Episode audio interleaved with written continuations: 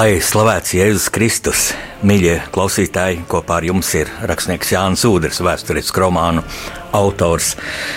Es šodien nākot uz studiju, sajūtu tādu dziļu dvēselisku prieku, un sākumā īsti nevarēju aptvert, par ko tas ir. Par to, ka skaista pavasara diena, kaut vējaina, un tad pēkšņi es aptvēru tādu būtībā skaudru patiesību, ka divas nedēļas kopš mūsu iepriekšējās šīs pārdomu stundas, Radio Marija, Radio Viļņos, pasaulē ir pagājuši samērā mierīgi. Nav notikuši liela terora akti, ar ko man tā tad būtu jāsāk pārdomas. Tas ir tāds nu, publicista, analītiķa mm, nu, pienākums analizēt to, to aktuālāko, un, diemžēl, diemžēl pēdējos mēnešos tās bieži ir bijušas satraucošas, skaudras ziņas. Tādēļ man ir liels prieks šodien e, sākt ar jaunu tradīciju, kur sākumā mēs bijām liecinieks, varētu pat teikt, dalībnieks, proti, vienā no šī pavasara dienām, parastā trešdienas vakarā, Cēsīs dzima jauna tradīcija, kas saucas Jāņa Dūmiņa diena.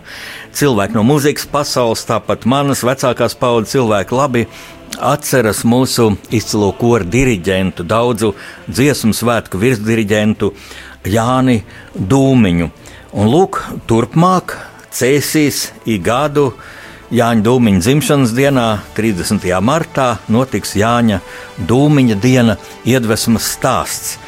Pirmā šī skaistā akcija notika Cēlā baznīcā ar lielisku kora un ērģeļu mūzikas koncertu.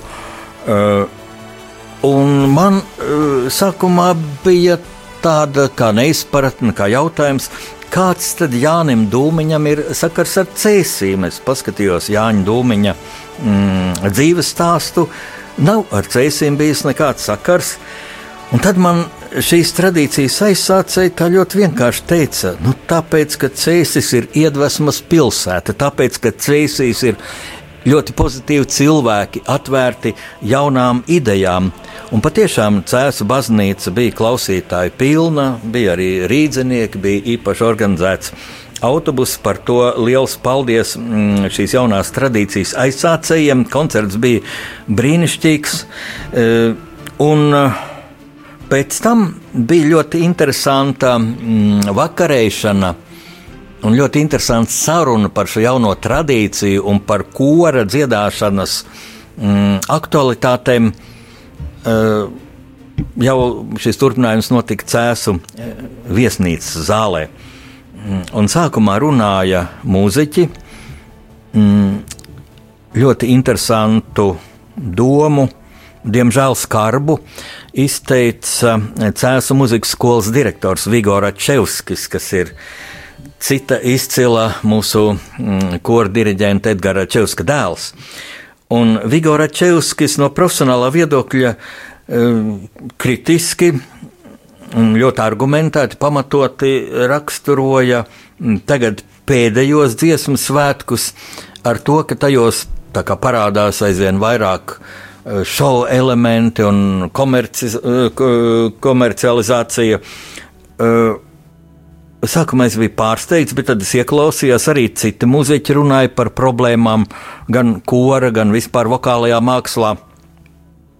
Par to, ka tagad e, virsrokņam estrāde, izklaidējošie žanri e, un daudz un daudz ļoti dziļas problēmas. Un tad es arī ņēmu vārdu un teicu, kā tādu joku, ka es gribu attaisnot, eh, atjaunot vēsturisko taisnīgumu, jo ja šādā apspriedē par mūsu ļoti būtiskām kultūras attīstības problēmām, jautājumiem runās tikai mūziķi, tad liksies, ka izcilais diriģents Jānis Dūmiņš piederēja tikai mūzikas saimē, bet tā jau nav. Jānis Dūmiņš bija un uz mūžiem paliks, mūžiem paliks ar savu piemiņu visas nācijas kultūras bagātību krātuvē.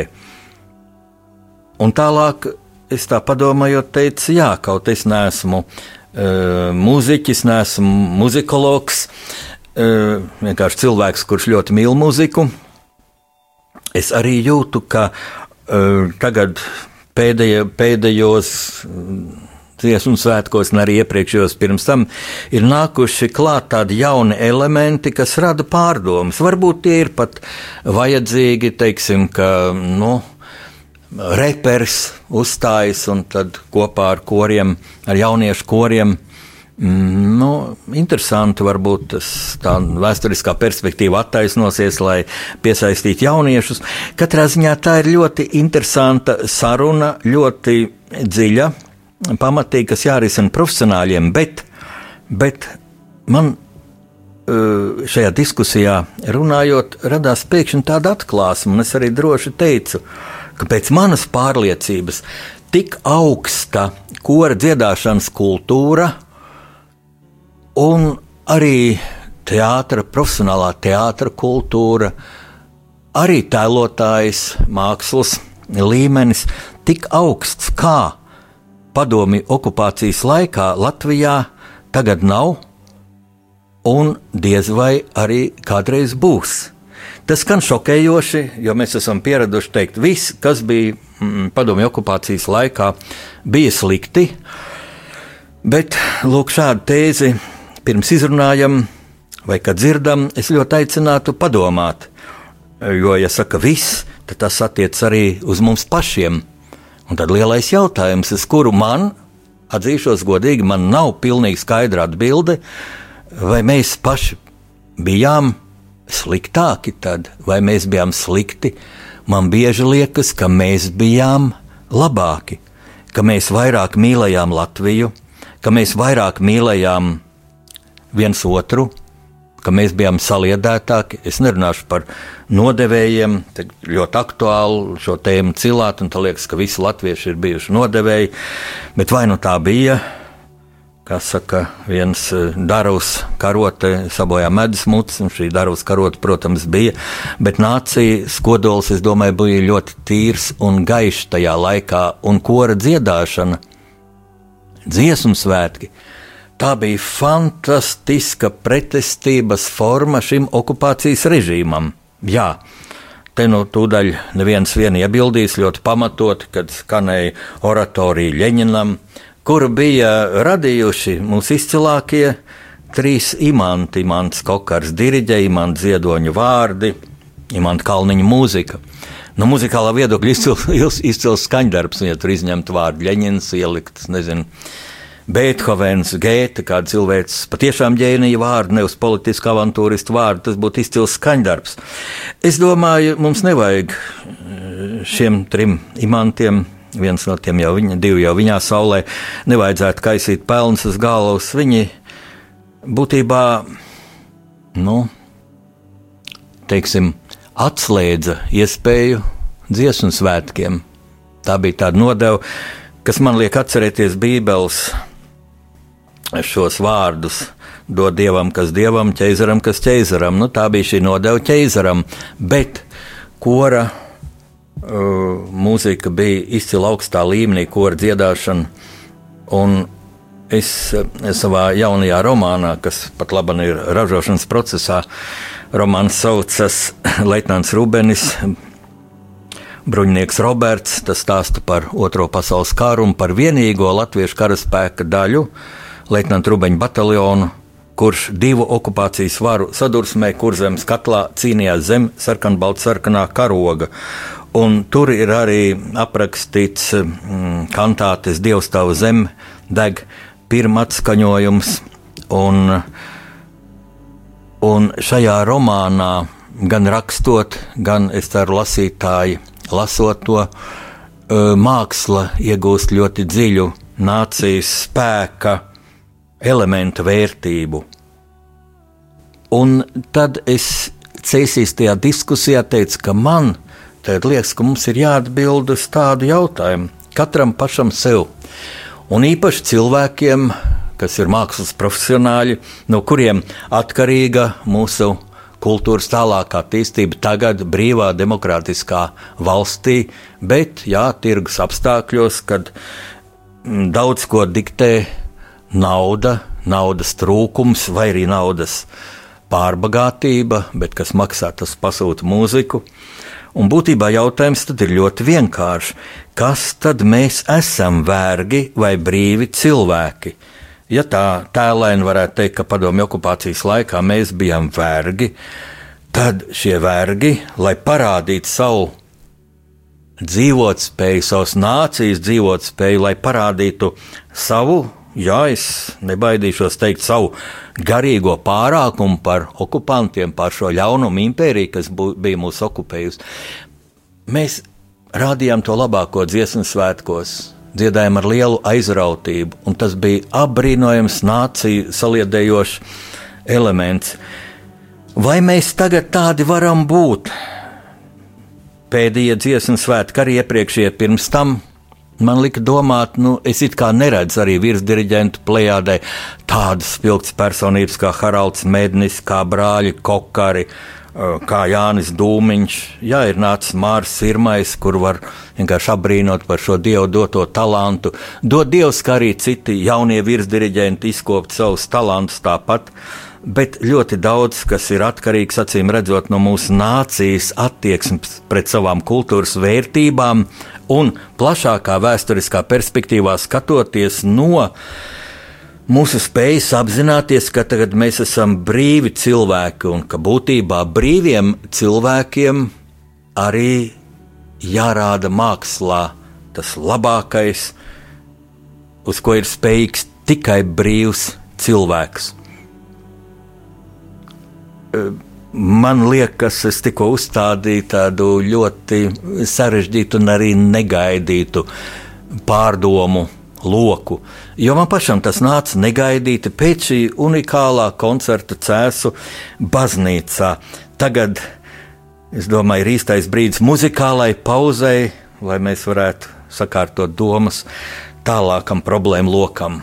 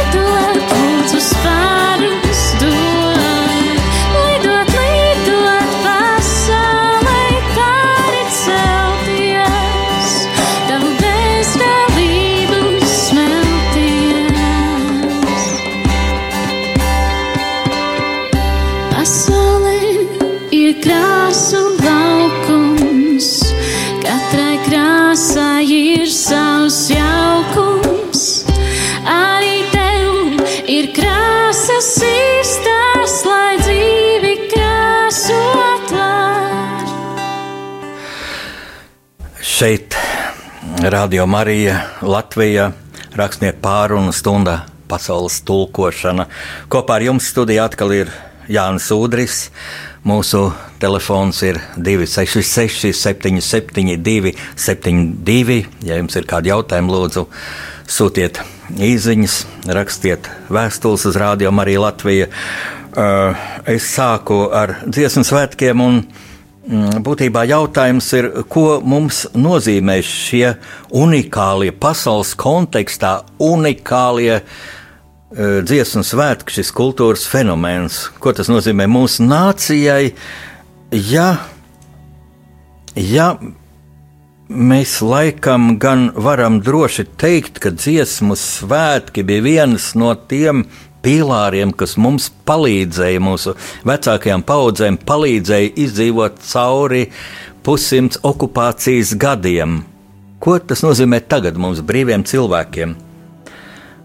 Protams, es neuzdošu pat retoriskā formā jautājumu, vai ir vajadzīgi dziesmu svētki. Tā varētu prasīt tikai, mm, tikai neprātīgs cilvēks, kas neapzinās, ko dara, vai kas grib dumīgi pajokot. Bet, bet diemžēl, es publiskajā telpā nereiz vien esmu dzirdējis, pie tam no publiskām personām, jau publiskajā telpā jau runā publiskas personas, tie ir rakstnieki, tie ir mm, politiķi, tie ir sabiedriski darbinieki. Tādu kā ironizēšanu. Lūk, Latvijā dzīve teikt, ir ļoti, ļoti slikta, bet mēs tā kā izliekamies to neredzam, un reiz pa četriem gadiem sanākam un padziedam, un iztēlojamies, ka viss ir atkal ļoti labi, un dzīvojam tālāk. Mm, vienu, viens gadījums, kad šādas atziņas, šādas prātojumus nācās dzirdēt, bija šajā nedēļā kādā televīzijas kanālā mm, no visai populāras rakstnieces. Un, protams, tās ir viņas tiesības. Nu, manas tiesības ir paust savu viedokli, ka es to uzskatu par, par bezatbildīga rīcība. Tu vari tā domāt, protams, tu vari runāt ar saviem tuviniekiem, bet runājot publiskajā telpā, runājot eh, televīzijas vai radio kanālā, ir jārēķinās, ka cilvēki to uztver ar tādu pastiprinātu uzmanību. Ja cilvēks runā uz tūkstošiem lielu auditoriju, jā, tā, tad tas ir vērā ņemams viedoklis. Nu, un tad eh, kā interesēs ir, teiksim, apgalvot, ka mm, nu, viss ir ļoti, ļoti slikti, ka Latvijā 25 gadus mm, kopš ir atjaunot neatkarība, nav noticis pilnīgi nekas pozitīvs. Un tad tev nu pat burtiski jācitē, ka Latviju pārvalda mafija. Nu, visi zog, visi blēdās. Es esmu ļoti tālu no tā, lai uzņemtos nepateicīgo lomu, aizstāvēt mūsu politiķus, mūsu valdību, bet te gan jāsaka valdības, jo valdības ir bijušas ļoti daudzas. Es pat ātrumā nepateikšu, tad jāsaskaita. Un kurš no jums var momentāli sitienu pateikt, cik valdības ir bijušas Latvijā kopš 1990. gada, kurš var nosaukt visus premjerus, kurš var no, pateikt, cik, cik reizes mm, tas vai cits eh, politiķis ir bijis premjeras un tā tālāk un tā tālāk. Kurš var nosaukt visus ministrus, tas arī nav vajadzīgs, bet viens gan ir nenoliedzams fakts, ka tie ir bijuši ļoti dažādi cilvēki. Un teikt, ka visi ir zagļi, ka visi ir blēži, ka Latvija pārvalda mafiju, nu, mm, tad cilvēkam vienkārši vajadzētu paskatīties, ko vārds mafija nozīmē. Mafija tas ir ļoti konkrēts jēdziens. Ja tā būtu, tad Latvijā būtu daudz augstāka kriminalitāte, tad galīgi nekāds taisnīgums nekur nepastāvētu. Bet redziet, šis sauklis, ja tā pasaka, ja, tas var piesaistīt cilvēkus. Un interesanti, es vakar tirgu pirku puķes, un tur blakus viena kundzīte otrai bļauj. Anna, vai tu dzirdēji vakar to televīzijas interviju? Nu, tā nu gan pateica visu tā, kā ir. Nu, Anna nebija dzirdējusi, nu, žēl, žēl, tu ļoti daudz zaudēji. Nu, bet ko viņa zaudēja? To, ka viss ir slikti, ka nekam nav jēgas, nu, tā ir liela aplamība. Un man nepietika šī raidījuma laika, lai pateiktu, ka ir bijis ļoti daudz kas labs, jau sākot ar to, ka mēs pārsteidzoši viegli, bez asinīm, vai precīzāk sakot, bez lielām asinīm, zaudējot tikai dažus mums ļoti mīļus cilvēkus, Jūru Pornieku, kurš jā, pēc tam jau gāja bojā, nu, pavisam liktenīgi, bet Andris Lapiņš, Gvido Zvaigzne, mm, vairākus miličus, uh, atjaunojām neatkarību, ka mēs pārsteidzoši viegli, bez kādiem terora aktiem, bez bruņotām sadursmēm izvedām ārā svešo okupantu armiju, ka mēs pārsteidzoši tālredzīgi jau 1995. gadā izvēlējāmies šo rietumu orientācijas ceļu, jo bija jau tikai divi ceļi uz austrumiem vai uz rietumiem. Uz austrumiem, jā, tobrīd Krievija bija kā nu, tāda lojāla pret mums, pat draudzīga, jo tur bija prezidents Jeļcins. Bet, ja mēs toreiz būtu izvēlējušies šo ceļu, tad padomāsim, kas ar Latviju notiktu tagad. Ne, mēs izvēlējāmies šo Eiroatlantiskās orientācijas ceļu. Atzīšos, ka man tas ceļš sākumā likās gluži fantastisks. Pārāk mērķis bija pārāk skaists, bet arī pārāk, nu, pārāk neticams, ka mēs to sasniegsim un ka sasniegsim tik ātri patiesībā tik viegli. Un tad nāca brīdis, kad es tā sapratu, jā, Eiropas Savienībā laikam taču mēs tomēr tiksim, nu, bet NATO, nu, NATO. Nu, droši vien jau nē, bet pareizi, ka mēs deklarējam savu pozīciju. Mēs esam šeit, tas ir mūsu ceļš, mēs ejam šo ceļu, tie ir mūsu sabiedrotie, lai visa pasaule zina. Un piepildījās abi šie mērķi, un es esmu ļoti priecīgs atzīt, ka es kļūdījos kļūdījos, reāli izrādījās abi mērķi. Lai gan pat ja mēs to nebūtu sasnieguši, budistiem ir tāds ļoti mm, interesants teiciens, ceļš uz mērķi ir pats mērķis. Un, ja to atceramies, tad manā, manā pārliecībā viss tādi ražīgākie, vismērķiecīgākie Latvijas attīstības gadi bija tieši tie laiki, kad mēs pildījām šos Eiropas Savienības un NATO mājas darbus, kad mums bija jāsasniedz konkrēti kritēriji ekonomikā, finansēs, cīņā ar korupciju un tā tālāk, un tā tālāk arī, mm, arī demogrāfisko jautājumu risināšanā, arī mm, tas attiecās arī uz, uz, uz šīm minoritātēm, tā skaitā eh, krievalodīgo minoritāti, un bija jāpieņem kompromisi, bet es redzu, ka tie bija saprātīgi, jo ideāls mm, variants būtībā politikā nekad nav iespējams. Ideāls tādā nozīmē, ka visi būs apmierināti. Politika ir kompromisa māksla. Un, Jā, es ļoti, ļoti kritiski raugos uz ļoti daudziem mūsu politiķiem. Es ļoti labi zinu, ļoti labi zinu, cik augsts ir korupcijas līmenis. Bet tajā pašā laikā es esmu redzējis mm, nu, vairāk kā 70 dažādas pasaules valstis. Ideālu valsti es neesmu redzējis, un es esmu secinājis, un tas nav tikai mans viedoklis, ka ideāla valdība būtu tāda, par kuru sabiedrība neko nezinātu.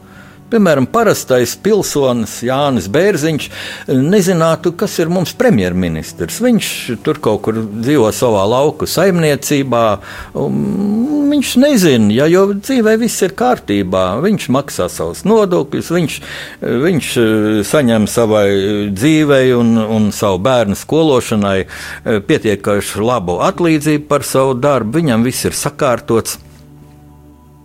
Nu, tāda valdība pasaulē nav bijusi un laikam arī vēl nebūs. Tā kā mums vajag skatīties reāli. Un es nesen piedalījos tādā starptautiskā diskusijā par situāciju Moldovā. Moldovā. Šo diskusiju interesanti bija rīkojušas Moldovas un Rumānijas vēstniecības kopā ar Latvijas ārpolitikas institūtu. Ziniet, ka tur paklausījās, nu tad attiecībā uz korupcijas līmeni Mm, un citām šādām negācijām Latvija ir gandrīz tā tāda parauga zeme. Protams, būtu ļoti aplami, ļoti aplami teikt, ka pie mums viss ir kārtībā, tieši otrādi. Bet, ja mēs kritizējam mm, Latvijas negācijas, tad nevajag bļaustīties Latviju pārvaldu mafiju, nevajag, eh, teiksim, nu, no vienas puses pelēcīgiem neveiksmīgiem politiķiem, nemākulīgiem politiķiem, no otras puses arī sautīgiem politiķiem, sīkiem ierāvējiem, korumpētiem politiķiem piešķirt tādu godu, ka salīdzinātu viņus ar mafiju. Mafija tas jau ir, tas jau ir bīstams mehānisms un, un Un te nu līdz mafijai ir ļoti tālu, un jāteic, paldies Dievam, ar korupciju ir iespējams cīnīties. Nezinu, kā ar mafiju, ja ar mafiju cīnītos veiksmīgāk, varbūt to varētu iznīcināt, tā palikt tikai televīzijas filmās, bet paldies Dievam, tā nav mūsu problēma. Varbūt 90. gados bija kāda mafijas elementa Latvijā ar šo totālo reketu, bet vēl viens e, pozitīvs moments, ka mēs pratām tikt ar šo, mm, ar šo sērgu galā. Nu, jāteic gan arī, ka šie banditiskie grupējumi paši iznīcināja citu, citu tas ir skarbi, nu, bet laikam tāda arī bija. Ah, varbūt pat dieva griba. Tagad sabiedrība ļoti daudz diskutē par to, ko darīt ar nu, acīm redzama negodīgiem ierēģiem valsts ieņēmumu dienestā, citās struktūrās. Un mani mm, patiesībā satriec šī mūsu finanses ministrs Danas Reiznietes Ozols ideja rotēt viņus uz citām ministrijām. Varētu pat tā ciniski teikt, nu, ja zaga tur, tad zags arī citur. Protams, nav tiesības nevienu konkrētu personu apvainot, ka viņš ir zagls, kamēr tas nav pierādīts. Pierādīt ir ļoti grūti. Un te mēs nonākam pie tā, ka ka mūsu mm, valstī, diemžēl, diemžēl ir ļoti zema politiskā morāla. Un tā ir tā problēma, par kuru ir jārunā, par kuras risināšanu ir jādomā. Jau veidojot daudz labāku, daudz morāli, morāli piesātinātāku mūsu izglītības sistēmu, jo mūsu skolās šobrīd mācās mūsu bērnu dārzos, šobrīd iet nākamie ministri, nākamie saimnes deputāti, nākamais valsts prezidents vai prezidente. Par to mums ir jādomā, jo šī ir mm, politiskā plējādi, kas šobrīd tik stabili no saimnes uz saimu sēž parlamentā. Un kurā starp citu ir daudz arī gaišu cilvēku, tur ir arī mani draugi, un tad es viņiem prasu, nu, kur paliek tava, tavas gaišās domas, tavs goda prāts visā šajā Nu, kāpēc tomēr lēmumi ir tādi? Nu, kāpēc valdība mm, nu, teiksim, pieņem lēmumus, ka nedrīkst, ja tev nomira sunīts vai kaķītis, tu viņu nedrīkst apglabāt savā dārzā, un ka tu nedrīkst e, smēķēt uz balkona? Nu, jā, varbūt es arī esmu nesmēķētājs, un, bet nu, piedodiet, ko mēs darīsim ar smagākajām problēmām? Un lūk, tā nobļauties vienkārši nekas nenotiek, nekas nav noticis, par visu valda mafija, tad jau arī nenotiks. Bet mums ir jāsauc problēmas vārdā un ir jāprasa, lai mūsu politiķi tās risinātu. Un te nu, ziniet, ka tagad. Tagad streikos mediķi, tad skolotāji, tad kaut kurā pirkstā grib visur trūks budžeta nauda. Uh, un aizvien vairāk starptautiskie notikumi parāda, ka prioritāšu prioritāte ir valsts aizsardzība.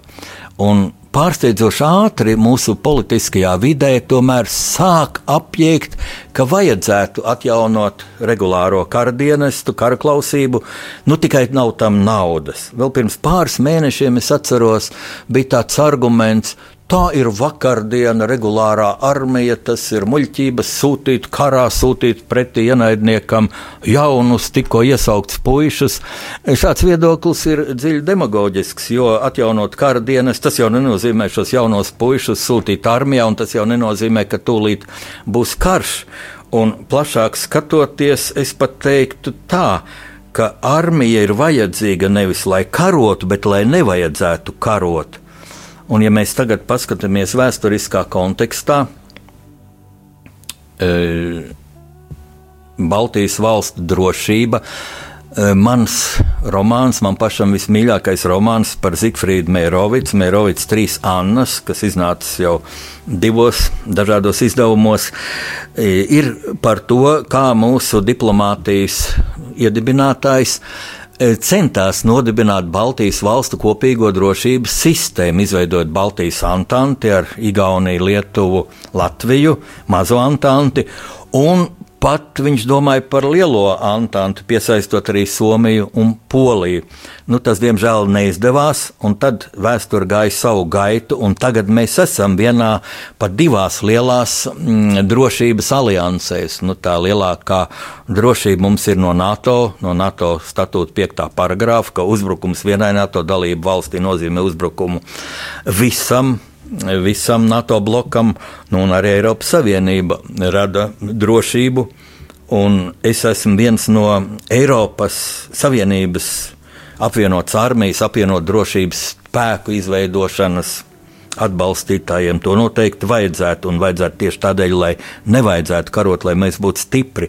Bet, ja mēs atceramies šo Meijerovicu ideju, kad Latvija bija tā tālredzīgākā, gudrākā valsts, pateicoties Meijerovica ģēnijam, Un viņš centās Igaunus un Lietuviešus pārliecināt, un arī Somus, un arī Poļus par šādas antānas nepieciešamību. Un, ja tāda būtu bijusi, tad tomēr 39. un 40. gada notikumi būtu izskatījušies savādāki. Būtu izskatījušies savādāki. Tā ir atsevišķa saruna. ļoti iespējams, ka Padomju Savienība tāpat būtu okupējusi Baltijas valstis, bet Somiju taču neizdevās okupēt. Un, ja mēs būtu visi kopā, un vai Padomju Savienība būtu izšķīrusies par šādu agresiju, eh, bet, ja mēs paskatāmies pašreizējo status quo, tad man kā latvietim ir uh, kauns par to, ka Igauni tālredzīgi saglabāja savus drošības spēkus, tādus kā tie bija līdz iestāšanās brīdim NATO. Proti, Igaunijā vienmēr ir pastāvējis mm, pastāvējis, kara klausība, regulārais kara dienests. Lietuvieši to tagad atjauno. Mēs, lūk, iedomājamies, kas esam tie gudrākie, mums to nevajag. Kas tad mums uzbruks? Nu, Tagad jau tas vairāk nav retorisks jautājums. Ja, varē, ja varētu, droši vien uzbrukt, droši vien uzbruktu tie paši spēki, kas uzbruk Grūzijai, kas uzbruk Ukrainai. Uh, viss atkarīgs vai ļoti daudz atkarīgs no mūsu spēka. Nu, un, protams, jā, mēs esam NATO valsts, bet tas jau nenozīmē, ka mēs no sevis varam noņemt atbildību, rūpēties paši par savu drošību. Nu, lūk, atkal ļoti smags mm, pārdomu bloks, īstais brīdis dziesmai.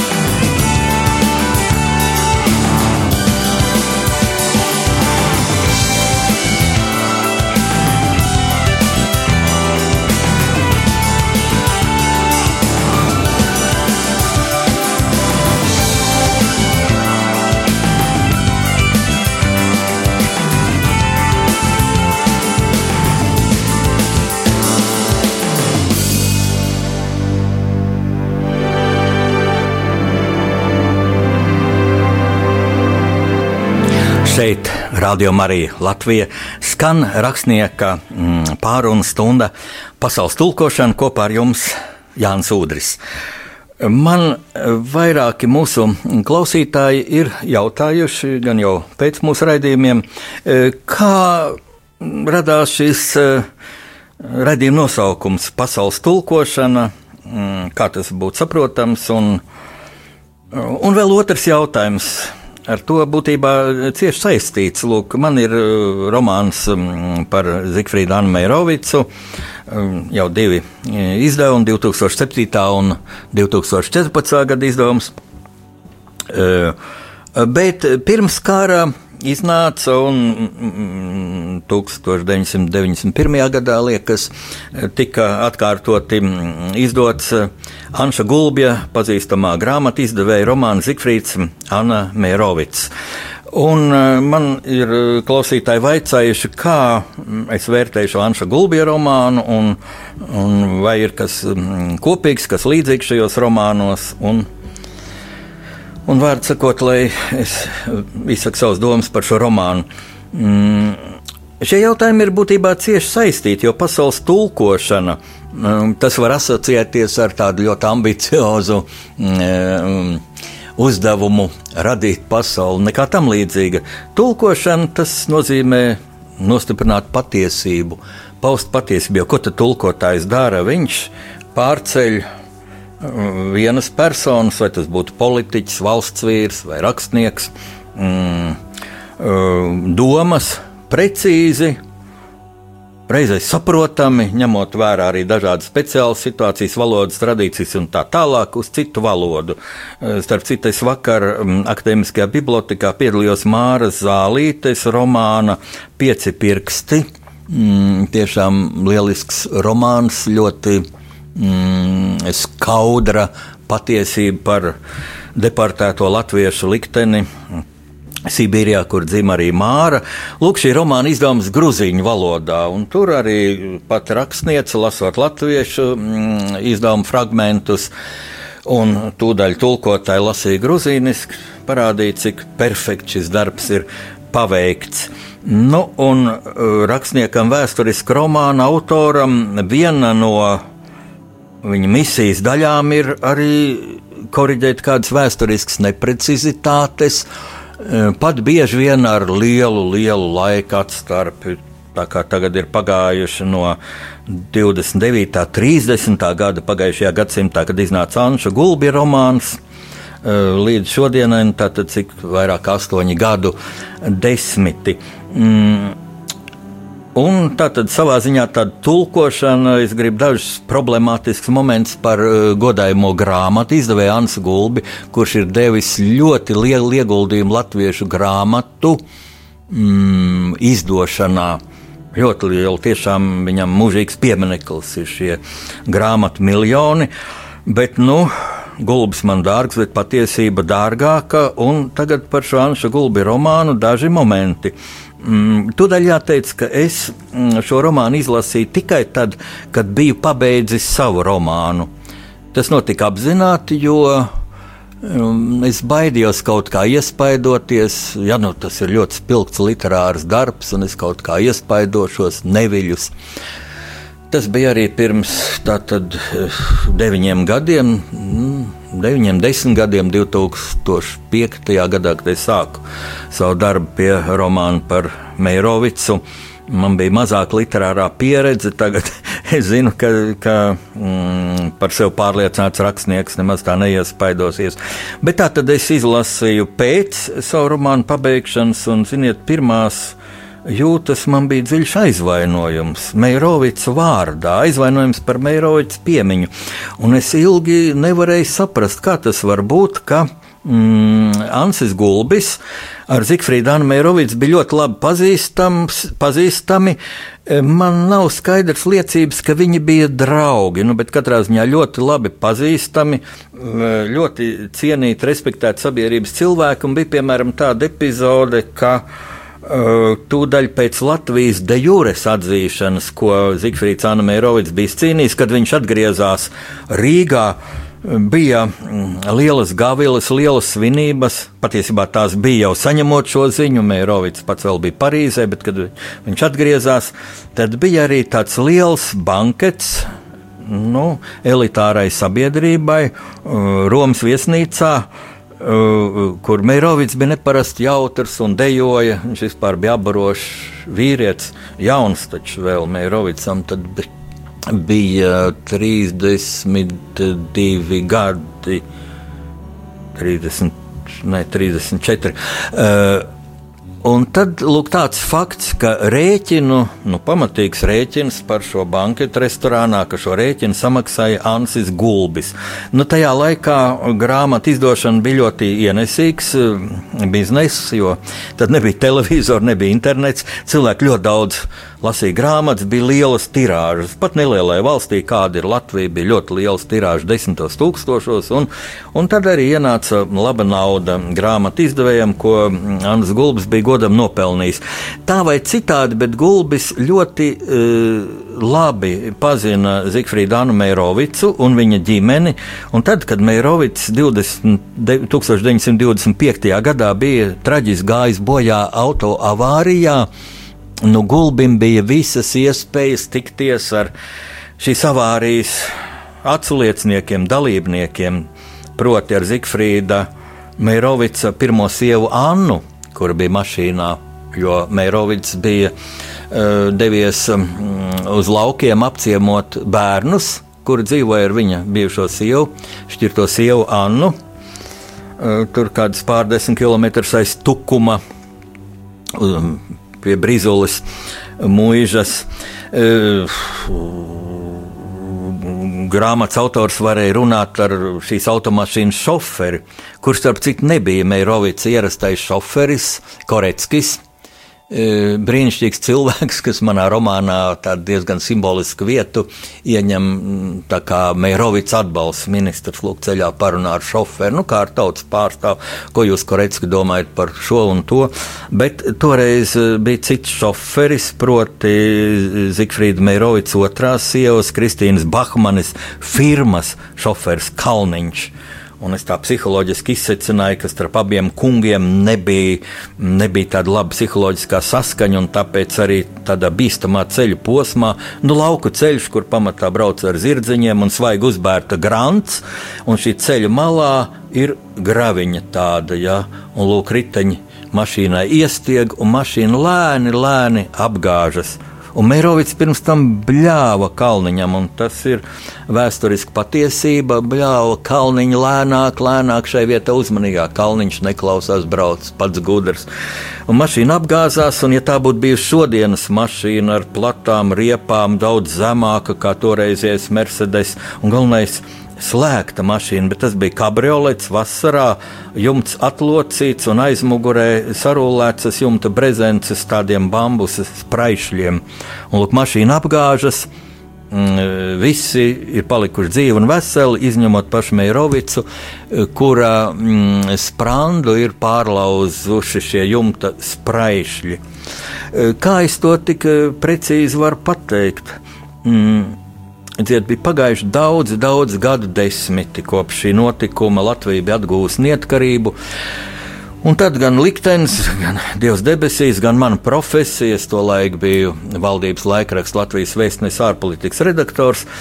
Visi šie faktori lēma man iepazīties ar Zigfrīda Meirovica jaunāko dēlu, Gunāru Meirovicu, kurš no trimdas, viņš bija redzams trimdas politiskais darbinieks.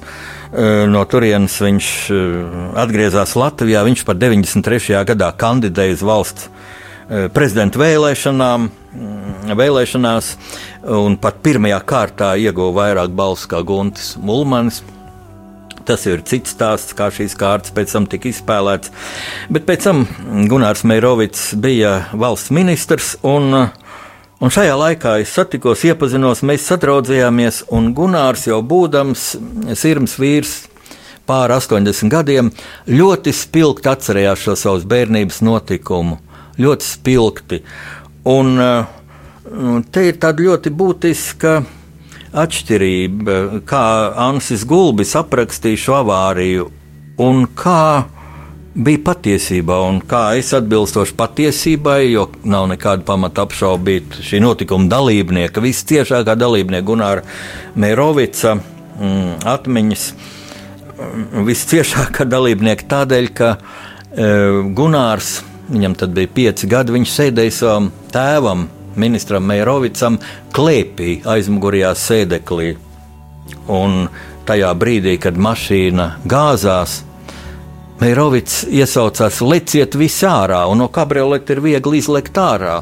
Mm, un izlaiž ārā tāda Anna, izlaiž ārā visi trīs lielākie bērni, uh, Meirovits, um, lielākais dēls Helmuts un, un meita Rūte, un vēl tur bija šo mm, Meirovits radinieku dēliņš. Minderu dēliņš, kurš, kurš arī bija atbraucis pavizināties. Viņi bija kāds 5 km nākuši pretī Meirovics mašīnai, lai tad iekāptu iekšā un līdz mājai brauktu kopā. Jo tajā laikā, iedomājieties, 1925. gadā, kad uh, mašīnu skaits Latvijā bija mērāms, nu, nezinu, ja daudz, tad pāris simtos. Ja? Un ko puikām nozīmē pavizināties ar, ar mašīnu. Un, lūk, kā tad Ansis Gulbis to apraksta? Viņš apraksta ļoti vienkārši, kad liktenīgās avārijas brīdī ārlietu ministrs izgrūda ģērtrūdi un bērnus no automobīļa. Nāns Gulbis nezinu, kāpēc eh, Meirovits pirmo sievu nosauca par ģērtrūdu, kaut viņa bija Anna. Tas arī tā, nu, ja varētu es pajautāt, kāpēc tāds paņēmiens ja jau visas, visas, visas personāžas pārdēvē citos vārdos, tad labi, ja tā būtu vēl kaut cik saprotams, bet Zikfrīds Mērovits, tā arī saucas romāna Zikfrīds Anna Mērovits, bet lūk, viņa sieva ir e, ģertrūde, un arī viņa otrais sieva ir cits vārds. Nu, pamēģiniet pāris mirkļos, kamēr mašīna gāžās, nu, kādās piecās sekundēs izgrūst ārā. Tad divus pieaugušus cilvēkus, bijušo sievu, šoferi, un trīs četrus bērnus. Mašīnā bija ar suns, un tas izlaiž pats ārā. Tā nav, nav piekasīšanās, nav matu skaldīšana, jo patiesībā šeit ir dziļa tāda psiholoģiska patiesība, ka Meirovits, izcilais latviešu valsts vīrs, gāja bojā, glābjot savu jaunāko dēlu. Jo šajā briesmu brīdī to Gunārs Meirovits ļoti skaidri atcerējās Viņš teica, paps man bija tā saspiedzis, ka es nevarēju pāelpot. Un tad bija tāds traģisks brīdis, ka Gunāram Meirovicam šī epizode tik dzīvi atplaiksni atmiņā, ka viņš pēkšņi sāk histēriski raudāt. Viņš saka, Jāni, es nonāvēju savu tēvu, es nonāvēju savu tēvu. Nu, cienījamam kungam bija arī daudz gadu jau, un Un varbūt nervi nebija tik stipri kā jaunībā, vai kā gribētos. Un es viņu mierinu, es saku, ar ko tu runā, kā tu nonāvēji tēvu. Viņš saka, kā, ja paps man tik stipri nebūtu turējis, es viņam nebūtu sēdējis klēpī, viņš taču arī būtu izlecis ārā. Un es domāju, ko teikt cilvēkam, bēdu, bēdu sagraustam cilvēkam. Un es tādos brīžos tiešām saku, Dievs palīdz man. Un laikam Dievs palīdzēja, jo iedod tādus vārdus, es teicu, Gunār, Viņš to darīja aiz mīlestības, vai mīlestību var nonāvēt. Un tad Gunārs nomierinājās. Lūk, pagājuši 80 gadi, bet Gunārs Meirovits ļoti spilgti atcerējās šo epizodi. Un man tas allaž nāk prātā, domājot par katra paustā, publiskā telpā paustā vārda, nu, pirmkārt jau drukātā vārda, mm, vēsturisko nozīmīgumu Šādas vēstures liecības tam ir jābūt ārkārtīgi precīzām, un varbūt tā arī bija dieva griba. Mm, kad man kaut kā es jūtu, ka man ir jāuzraksta romāns, tas bija mans pirmais vēsturiskais romāns, pēc tam nāca romāns par Kārlu Ulmanu, tagad jaunais romāns par Otro pasaules karu, par, par kureliešiem. Uh, kad kaut kas ir ļoti neprecīzi pateikts. Nu, vēl ļoti liela neprecizitāte ir tāds um, cienījamā grāmatu izdevēja apgalvojums, ka um, Meijerovits um, lūk, bija ārlietu ministrs 1919. gadā pat divās valdībās, ka viņš bija arī uh, ārlietu ministrs Andrija Niedras valdībā. Lūk, es nocitēšu tā tad Gulbis raksta, ka 1919. gada pavasarī Meirovits ārzemēs citāts bija ārkārtīgi daudz strādājis, bija Kārļa Ulmaņa un Andrija Niedras valdības ārlietu ministrs. Pēdējā valdībā bez savas piekrišanas, kaut arī tikai īsu laiku, viņš bija nosēdināts uz diviem krēsliem, kur tam bija jāizšķiras, kurā krēslā nosēsties. Citādi beigas. Nu, vēsturē netrūks tādas liecības, ka Meirovits šo Andrija un Iedras piedāvājumu, kāds patiešām telegrāfiski tika. Mm, tika nosūtīts uz ārzemēm, kur, kur Meirovits ilgstoši uzturējās, ka viņš ļoti krasto noraidīja. Piemēram, Līgotņa Jēkabs savā grāmatā par Meirovicu Meirovits mūža darbs liktenis raksta, kad Andrievs Niedre telegrāfiski aicina Meirovicu uzņemties ārlietu ministra posteni viņa kabinetā. Meirovits ātri un noteikti atbild, ka viņš nekādu dalību Andrievu Niedres kabinetā neņems, ka viņš savus pilnvarus saņems no tautas padomas un turpinās savu darbu tautas padomas norādītās robežās. Bet pievērsīsimies kaut vai tādai elementārai loģikai. Nu, kā gan cilvēks varētu kļūt ministrs bez paša piekrišanas, un kāds pamats būtu par cilvēku, kurš tajā laikā pat nebija Latvijā, pēcāk jau pēc viņa nāves pat rakstīt, ka viņš bija nosēdināts uz diviem krēsliem, un viņam bija jāizšķiras, kurā krēslā nosēsties. Un vispār, eh, vai tā Andrija un Hiedras valdība bija leģitīma? Kā ar Jūlmaņa valdību, tai bija tautas padomus dots mandāts, bet kas gan deva mandātu Andrija un Iedras valdībai, nu, vācu virsnieki, kas sarīkoja liepājošo puču. Lūk, ar tādām pārdomām jābeidz šodienas pasaules tulkošana. Es ļoti ceru, ka mēs kopīgiem spēkiem būsim atšķirinājuši vēl vienu. Vēl vienu tādu, tādu problēmu, mēslu, kas sauc saucas, kas saucas, nu, mēs to varētu laikam precīzāk nosaukt, vēsturiskā atbildība vai atbildība vēstures priekšā. Ar to arī es šodien no jums atvados, lai Dievs jūs svētī un sargā, lai jums gaišas turpmākās dienas.